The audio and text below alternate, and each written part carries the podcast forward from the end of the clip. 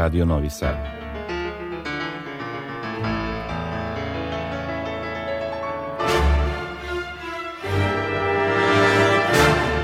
Domaća muzička scena.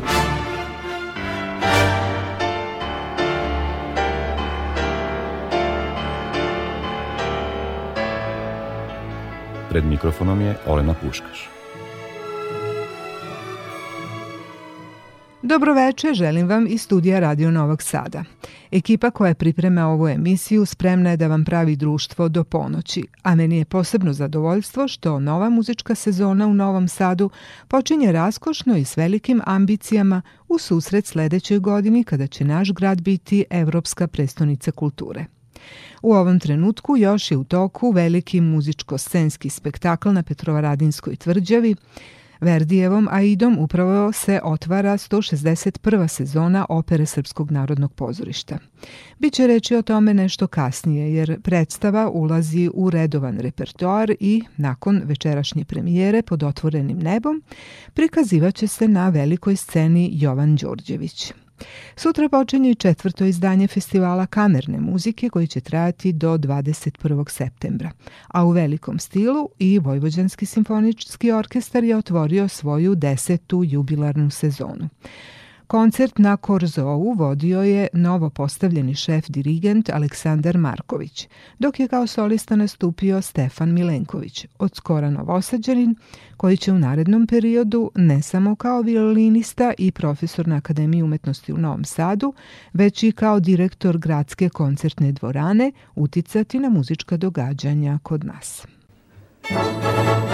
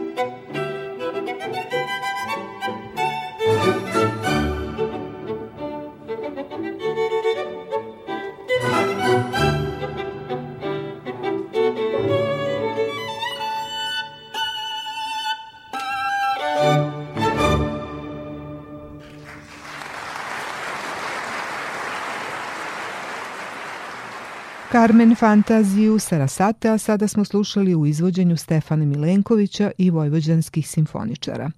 To je bila jedna od tačaka kojom je on oduševio Novosađane i 11. septembra kada je kao solista nastupio uz Vojvođanski simfonijski orkestar.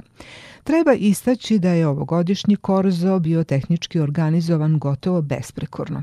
Ozvučenje je bilo odlično, mesta za sedenje postavljena su u propisanim razmacima u skladu s epidemiološkim merama, video bimovi omogućili su svima dobru preglednost, a kao naročitu poslasticu i iznenađenje, posetioci su doživeli raskošan vatromet koji se uklopio u poslednje moćne taktove Ravelovog bolera, dajući čaroban efekat završnici cele večeri.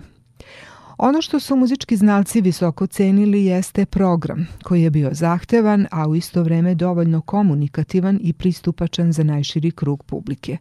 Tu mislim na Ligetijev koncert Romanesk i Kodeljeve plesove iz Galante, dva remek dela prve polovine 20. veka inspirisana folklorom Rumuna i Mađara, koja su sadržala divne solo momente različitih instrumenta i tako pružila mogućnost da se istaknu odlični pojedinci našeg orkestra. Osim vrhunskih muzičkih karakteristika, ove dve kompozicije su se odlično uklopile i u našu multikulturalnu sredinu, podsjećajući svojim folklornim temama na vrednosti savremenog evropskog društva kome stremimo. Prvi koncert u sezoni obećava da će i nastavak biti kreativniji i raznovrsniji nego što je to bilo u poslednjih par godina, a svakako će veliki kvalitativni skok doneti angažman šefa dirigenta Aleksandra Markovića. Ekipa radiotelevizije Vojvodine snimila je pred sam početak koncerta na Korzou kratke izjave Stefana Milenkovića i Aleksandra Markovića koje dovoljno govore o atmosferi i uzajamnoj saradnji soliste dirigenta i orkestra. Zadovoljstvo svirati sa njima, lepo je svirati sa njima, poznajem skoro ceo orkestar, tako da zaista kao eto, neka familija. A naravno sa, sa Sašom um, rekao bih da smo kliknuli odmah. Obiman je program, kompleksan je, zahtevan, virtuozan, brz i za solistu i za nas, tako da paralelno su tekle probe takođe za, za produkciju koju oni imaju, tako da je orkestar uh, se tu ozbiljno upustio i spremio i evo radili smo do poslednjeg momenta.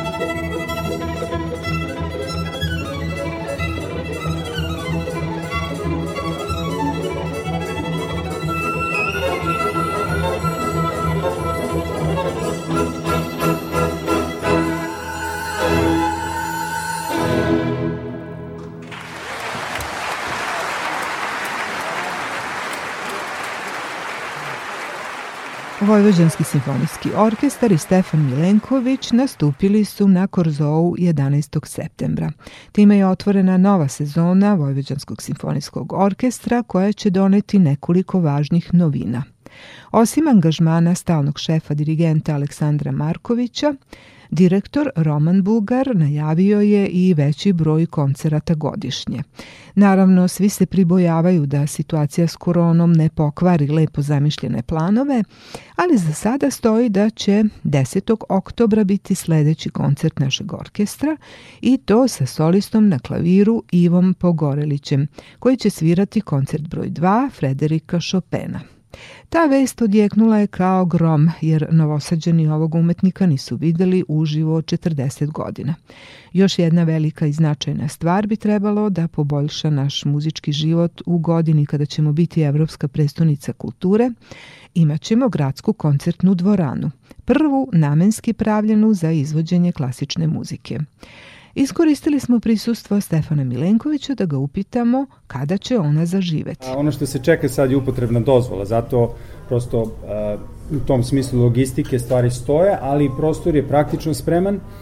E, jedna divna sala, ona je jedne prikladne veličine oko 500 mesta, uh, ali ima jednu finu akustiku s obzirom da je multinamenska, da je građena i za uh, muzičku školu, ali i za baletsku školu, što ima posebne uh, zahteve i ja sam sad trenutno upravo sad u procesu smišljanja programa za sledeću godinu koji će se uklopiti u te programske lukove e, Evropske predstavnice kulture, jer već ima puno događaja i treba naći jedan fin e, balans e, kvantiteta i kvaliteta koji će se onda uklopiti u sve što je već planirano. To je oko 200 događaja, raznih koncerta sledeće godine i sala treba da se onako prirodno i e, identitet te sali i programi u toj sali da se uklope u sve to prirodno, a onda moj plan je da od 2022. to krene punom parom kao, e, kao taj entitet u Novom Sadu.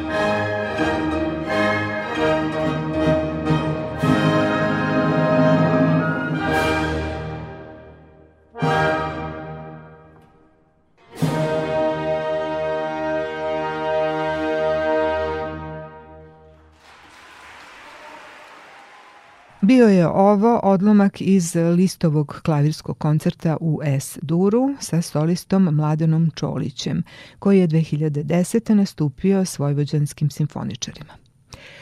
Na talasima Radio Novog Sada sada prelazimo na drugu temu. Operu Aida koja je od večeras ponovo na repertoaru Srpskog narodnog pozorišta i to posle punih 40 godina od kako nije bila postavljena. Premijera je bila na Petrovaradinskoj tvrđavi, gde je bila bliža osnovnoj zamisli Verdija, koji je pre 150 godina ovo delo napisao po naručbi za otvaranje Suetskog kanala, kako bi se izvelo pod otvorenim nebom. Međutim, novosadska režijska postavka Aleksandra Nikolića prilagođena je takođe i velikoj sceni Srpskog narodnog pozorišta gde će se u buduće izvoditi. O dugoročnim efektima rada koji su uložili on rukovodeći vizualnim delom predstave i dirigent Andreas Solinas zadužen za muzički deo, Nikolić je rekao. Veliko ulaganje u predstavu ne sme biti jednokratno. Tu moramo da razmišljamo i o kući samoj, i o teatru, šta teatru posle toga ostaje, e, takođe šta ostaje publici.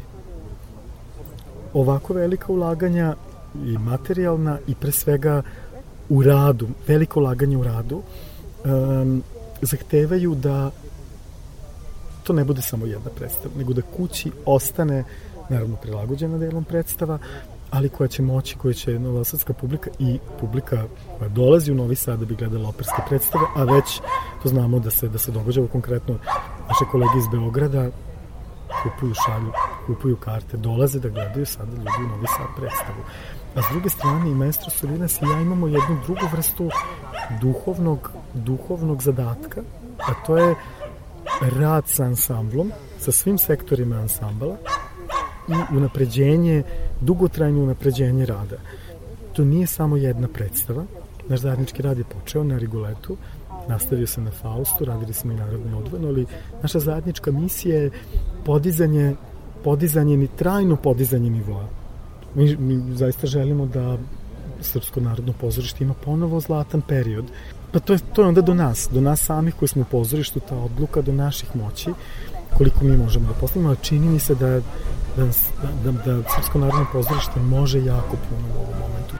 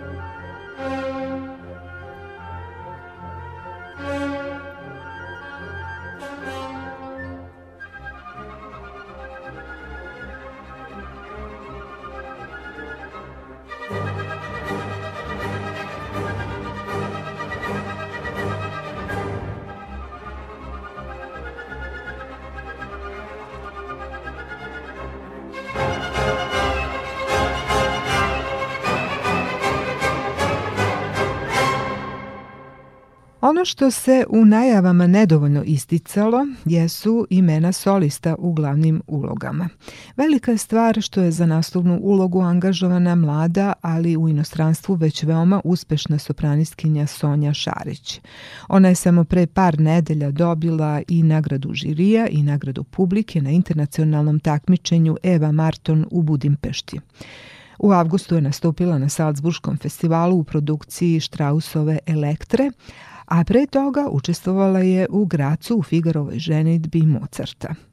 Novosadska publika je u novije vreme mogla da čuje samo njen koncertni nastup u Svilari, a večerašnja premijera Aide je zapravo debi Sonja Šarić na domaćoj sceni, tako da je to i za nju i za nas veliki događaj na koji treba skrenuti posebnu pažnju. Pored Sonje Šarić, ulogu Aide prvi put u svojoj karijeri tumačiće i naša primadona Daniela Jovanović, dok će ulogu Amneris u alternacijama tumačiti Jelena Končar i Višnja Radosav. Uloga Radamesa na premijeri je pripala gostu iz Beograda Stevanu Karancu, a tumačiće je i naš tenor Saša Petrović. O tome koje su uloge ključne, nesvakidašnju opasku je dao reditelj Aleksandar Nikolić. Posebno bih istakao solistkinje opere, naravno i solisti opere, ali solistkinje opere uopšte institucija operske pevačice, operske dive, one jesu bile od 18. veka prve prave velike dive. Ekstravagantne, opasne, hrabre, drske žene, koje se kao, e, kao velike artisti na trapezu bore sa stotinama ostalih učesnika, ali imaju u sebi hrabrost, drskost, dostojanstvo, veličinu, eleganciju. E, pre svega ističem naše dve amneris, vidjet ćete uh, Višnju Radosav i Jelenu Končar, kao i naše dve neverovatne ide. Uh, obe, to, da kažemo, naše gore lis, jedna je Daniela Jovanović, a druga je Sonja Šarić. Na, naravno i svi ostali učesnici, ali posebno, posebno najavljujem rad te četiri izuzetne, opasne, hrabre, drske, dostojanstvene, lepe, uzbudljive žene jer ovo jeste priča o sukobu dve princeze, o sukobu dve kraljice koji su eksponenti ta dva sistema, ali kada taj sukob sa velikog etiopsko-egipatskog pređe na lični sukob dve žene. Naravno, oko mladog karizmatičnog vojskovođa. Tu leti perije. Tačno.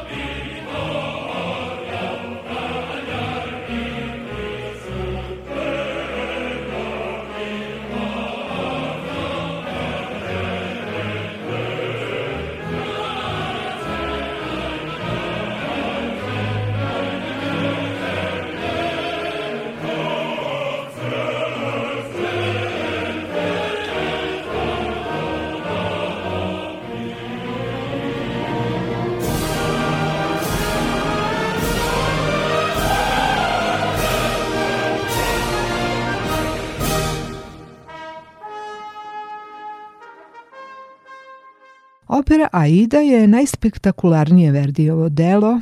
U čuvenom triumfalnom maršu treba dočarati moć i veličinu pobedničke vojske, kao i odanost naroda koji slavi svoje vojnike.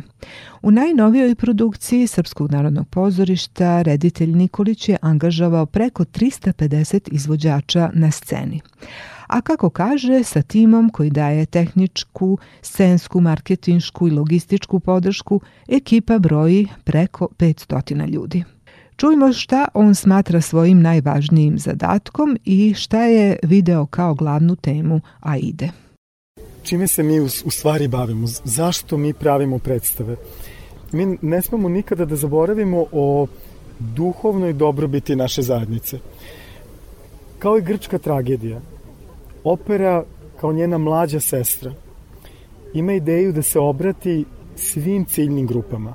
Mi nemamo ciljne grupe, naše priče nisu tako koncipirane. Kao i naša sredstva umetnička kojima se koristimo. Mi želimo da dopremo do svakoga, i do deteta, i do starog, i do kriminalca, i do stub moralnog stuba. I, uh, cela zajednica, to je doživljaj za celu zajednicu u kojoj se cela zajednica ujedinjuje i razmišlja o određenim temama. Naravno, na prvom mestu ovo je priča o sukobu. O, a, a ide priča o sukobu, a ide o velikom besmislenom sukobu. I o tome kako kada se dve zavađene elite, jedna egipatska, druga etiopska, ko su zapravo na kraju žrtve svih sukoba.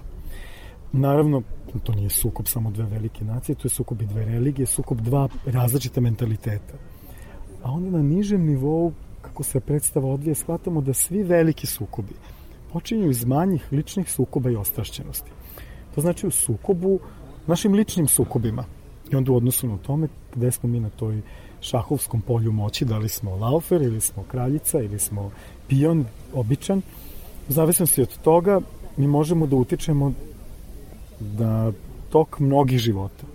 Ovo jeste predstav između ostalog i o odgovornosti u ovoj našoj velikoj šahovskoj igri života. Će ti predstava ima nešto od jedne još drevnije igre, starije od šaha persijskog, koji je ličan persijski šah, to je jedna egipatska igra, isto sa crvenim figurama i belim figurama. I zašto se mi bavimo pričama o ratu? Pa mi kao civilizacija, mi kao ljudska vrsta, mi nismo prevazešli ratove. Dogod se jedan rat bude dešavao, mi, umetnici i svi članovi zajednice kojima se predstavlja predstava, uvek moramo da razmišljamo o tom sukobu i moramo da se borimo za trenutak kada više nikada neće biti tako velikih sukoba.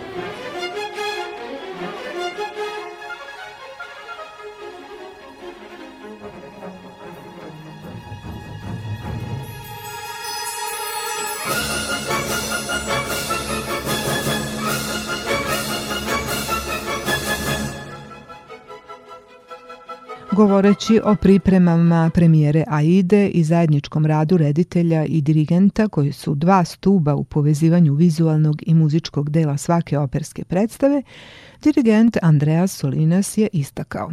This is the third time that I work with, uh, with Nikolić, Rigoletto, Faust and now... Ovo je treća produkcija koju radim s Nikolićem. Prvo je bio Rigoletto, zatim Faust i sad Aida. Dakle, radi se o sve komplikovanijim produkcijama u kojima je na sceni uvek više od stotinu ljudi. Međutim, ja bih istakao da se ne radi uvek o samoj produkciji, već je veoma važno raspoloženje u kom ona nastaje. Jer ja verujem da svaka odlična produkcija podrazumeva deljenje dobre energije među kolegama. Za mene je veliko zadovoljstvo što tu energiju delim s Nikolićem, koji je izuzetno profesionalna osoba i ja znam da će naporan rad s njim razrešiti na najbolji način svaki detalj i to u dogovoru sa mnom, što je za mene jako važno. In this work there are always some time uh, like uh, conductor thinks in one way, director U ovom poslu se često događa da dirigent nešto zamišlja u jednom pravcu, a reditelj u drugom i teško je naći zajednički jezik. Ali kad ja vidim scenu i shvatim njegovu ideju, a on posluša orkestar i muziku, onda ćemo naći najbolje rešenje.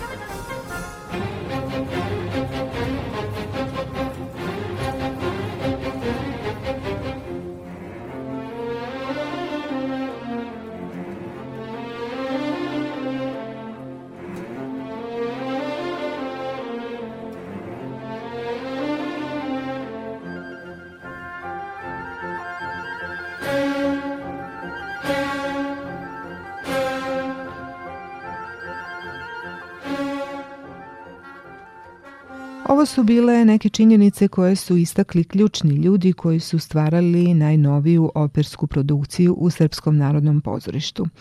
Naravno, njen život tek sada počinje na sceni i svakako preporučujem da je pogledate tokom sezone. Ja ću samo dodati nekoliko podataka vezanih za istorijat Aide na sceni u Novom Sadu. Prethodna postavka rađena je 1982 sa željom da se prikažu veličina i tehničke inovacije velike scene tada tek otvorene nove pozorišne zgrade. Tako je recimo u sceni Triumfa na premijeri bilo čak i pravih konja. Režiju je radio Serž Vafijadis, scenograf je bio Boris Maksimović, a dirigent Imre Toplak. U glavnim ulogama do 1986. nastupali su Branislav Jatić, Bojan Knežević, Oktav Enigaresku, Šime Mardešić, Zlatomira Nikolova, Margit Tomik, Elena Obrazcova, dok su naslovnu ulogu tumačile Ljiljana Molnar-Talajić, Natalija Trojicka i najčešće naša u to vreme vodeća primadona Vera Kovač-Vitkaj, koju ćemo sada čuti u Ariji na Nilu uz orkestar opere Srpskog narodnog pozorišta pod upravom Imrea Toplaka.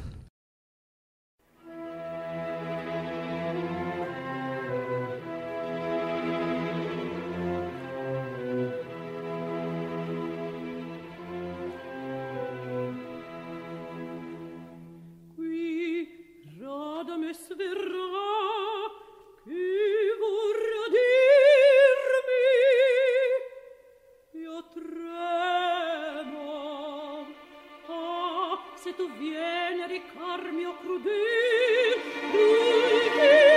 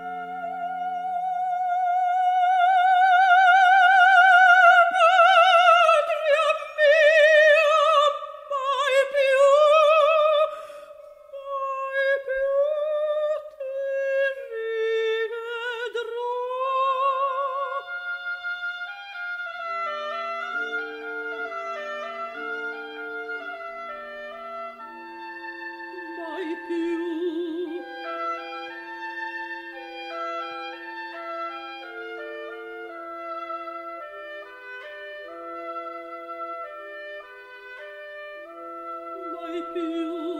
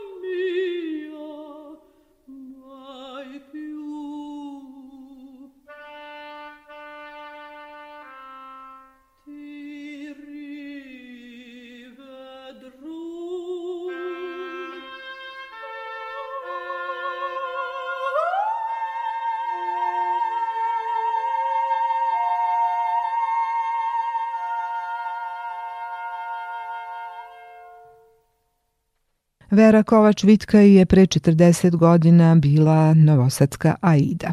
Sada imamo dve nove, Sonju Šarić i Danijelu Jovanović, koje će nastupati tokom ove sezone u novoj produkciji koju je režirao Aleksandar Nikolić. Ovo su talasi Radio Novog Sada, vi slušate emisiju Domaća muzička scena. Sada prelazimo na novu temu – a to je jedan od koncerata u okviru ovogodišnjeg kaleidoskopa kulture koji je održan u ponedeljak 13. septembra u kulturnoj stanici Svilara. Bilo je to veče muzike Astora Piazzole u izvođenju Novosadskog tango kvinteta u sastavu Vladimir Ćuković violina, Dragana Kuzmanović harmonika, David Klem klavir, Vladimir Jakovljević gitara i Fedor Ruškuc kontrabas.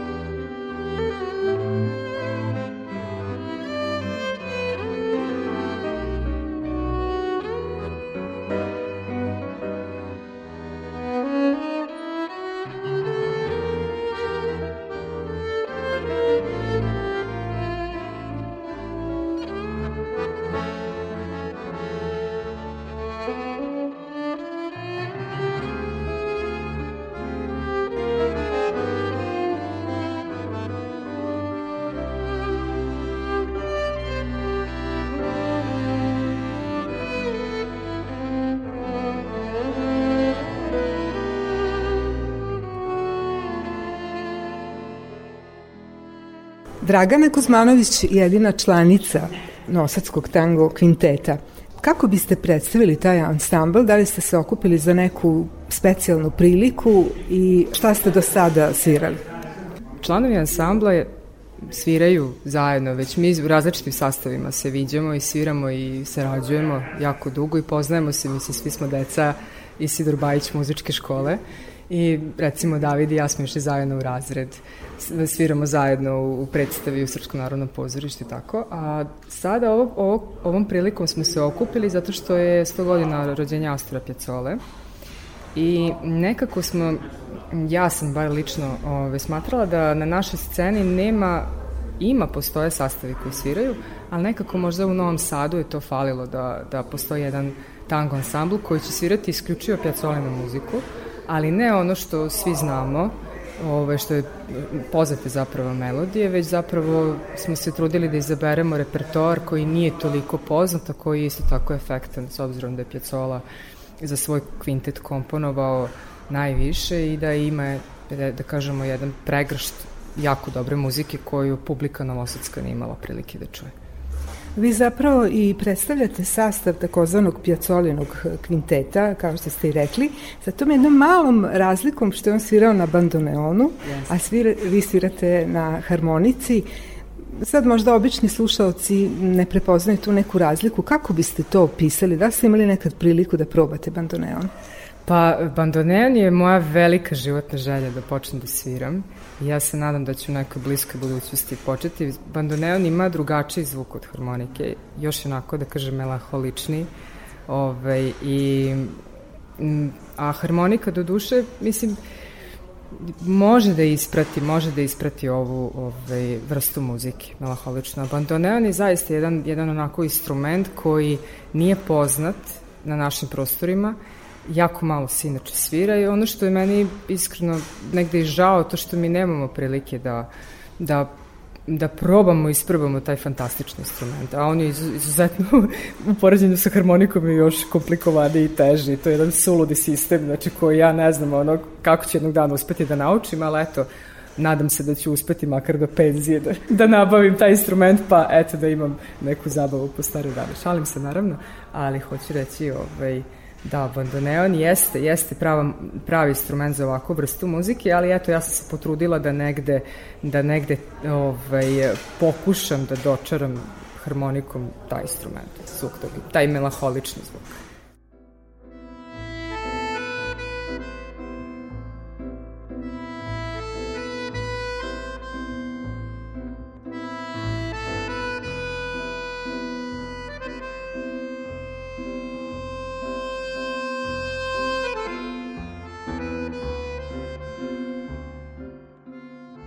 Ste svi klasično obrazovani muzičari, kolege koji svirate razne žanrove u raznim sastavima.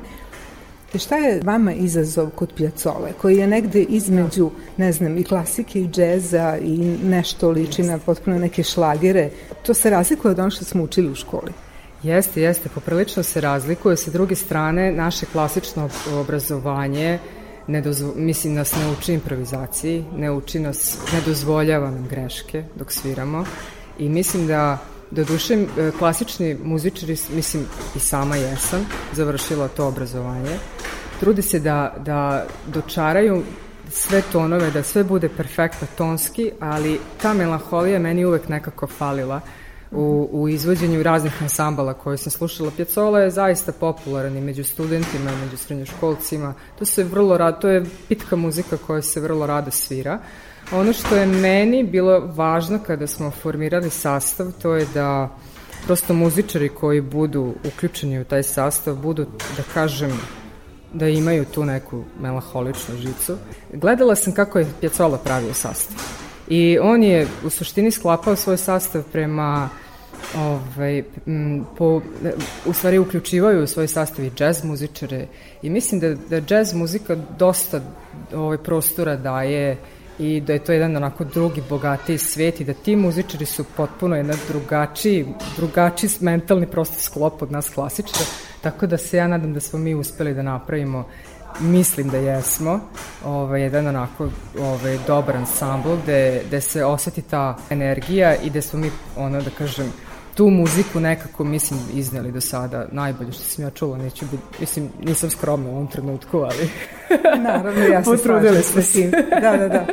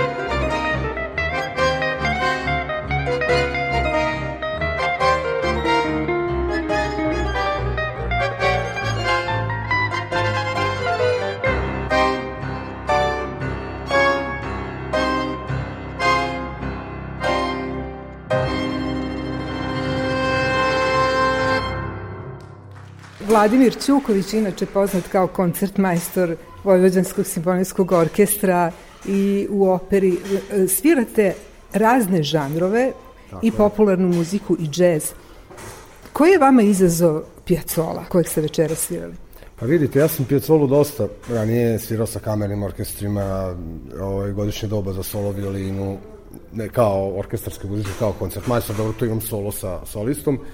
Međutim, ovo je ovaj, izvorna verzija Piazzole, mnogo su sporija tempa, znači malo kad sam ušao u ovaj kvintetsku varijantu, Htio sam sve brže da sviram, ali nije to taj feeling, ovaj, jednostavno ovo je potpuno, da, ne, da kažem onako, narodski bendovska varijanta, da ima dosta ove, improvizacije i, i ovaj, ne sviram baš kako je pisano na tome, nego po osjećaju.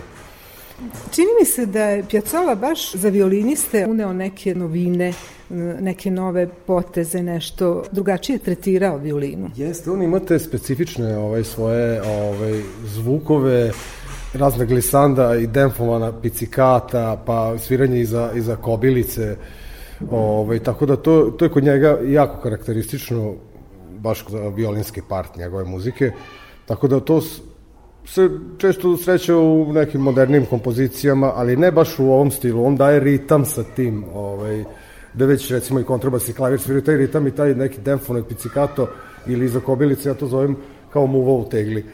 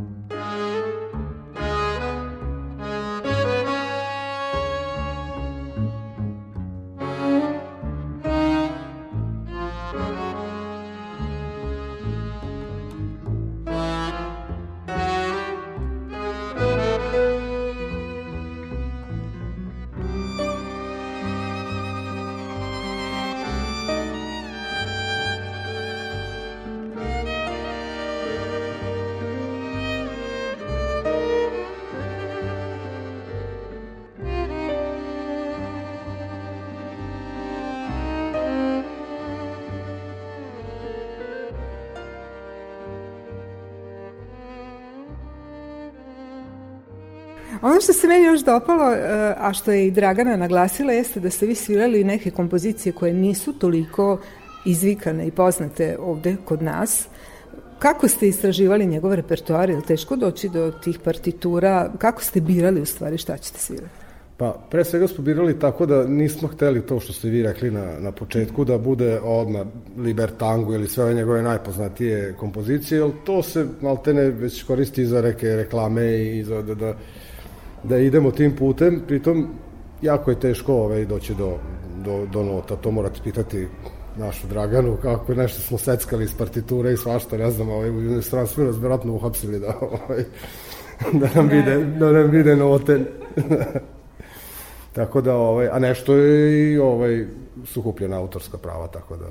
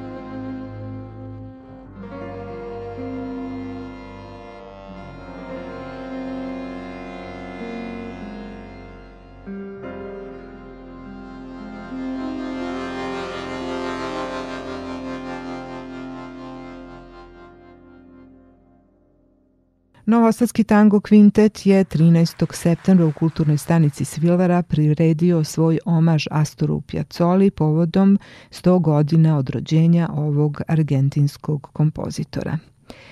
A mi sada stižemo do posljednjeg bloka emisije Domaća muzička scena, koja do ponoći traje na talasima Radio Novog Sada.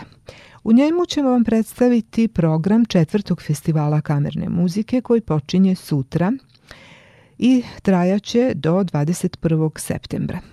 Festival su pokrenule dve članice Novosadskog duvačkog kvinteta, flautiskinja Ksenija Mijatović i obojskinja Veronika Antunović, s namerom da na najvišem profesionalnom nivou promovišu sviranje u kamernim sastavima. One tvrde da ovaj vid saradnje muzičara pruža ogromne mogućnosti za usavršavanje i kreativno iskazivanje, što se tokom prethodne tri godine i pokazalo u praksi.